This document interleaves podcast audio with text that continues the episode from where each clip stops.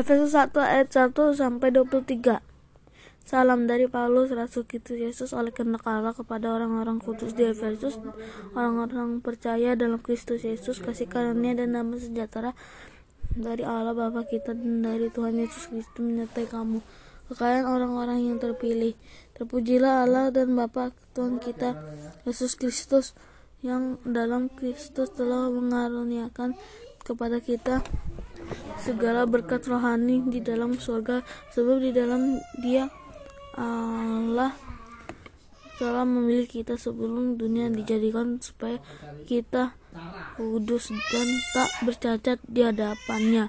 Dalam kasih ia telah menuntun kita dari semua semula oleh Yesus Kristus untuk menjadi anak-anaknya sesuai dengan kerelaan kehendaknya supaya terpujilah kasih karunia-Nya yang mulia yang dikaruniakannya kepada kita di dalam Dia yang dikasihinya sebab di dalam Dia dan ber, dan oleh darahnya kita beroleh penebusan yaitu pengampunan dosa menurut kekayaan kasih karunia-Nya yang dilimpahkannya kepada kita dalam segala hikmat dan pengertian sebab ia telah menyatakan rahasia kehendaknya kepada kita sesuai dengan rencana kerelaannya yaitu rencana kerelaan dari semula telah ditetapkannya di dalam Kristus.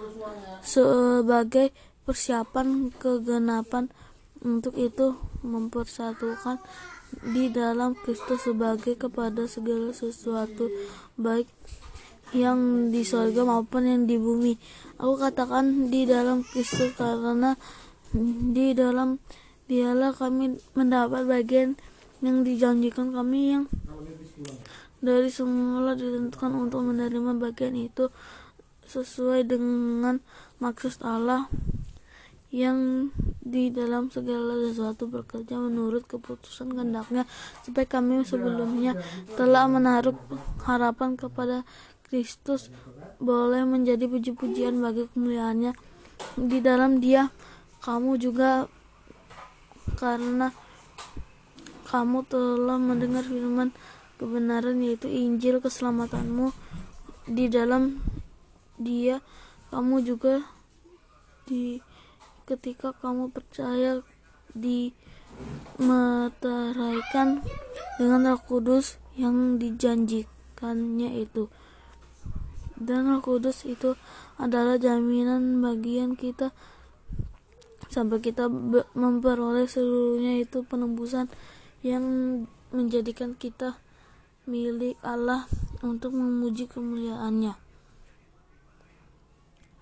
Doa untuk pengertian tentang kemuliaan Kristus. Karena itu setelah aku mendengar tentang imanmu dalam Tuhan Yesus dan tentang kasihmu terhadap semua orang kudus.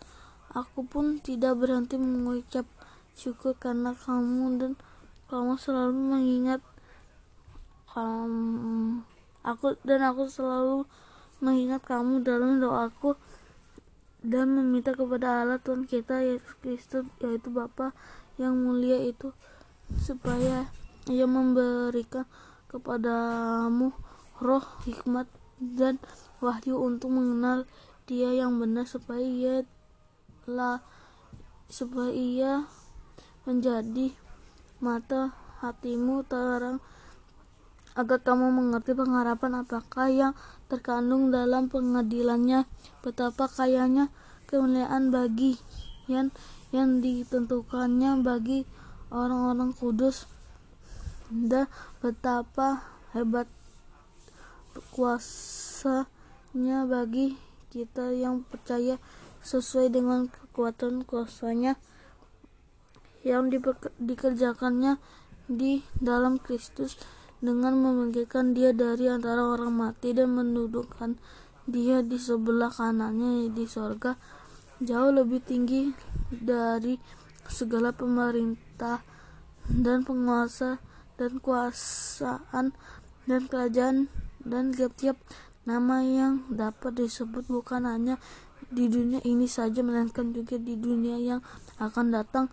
Dan segala sesuatu telah diletakkannya di bawah kaki Kristus dan ia telah diberikannya kepada jemaat sebagai kepala segala yang ada.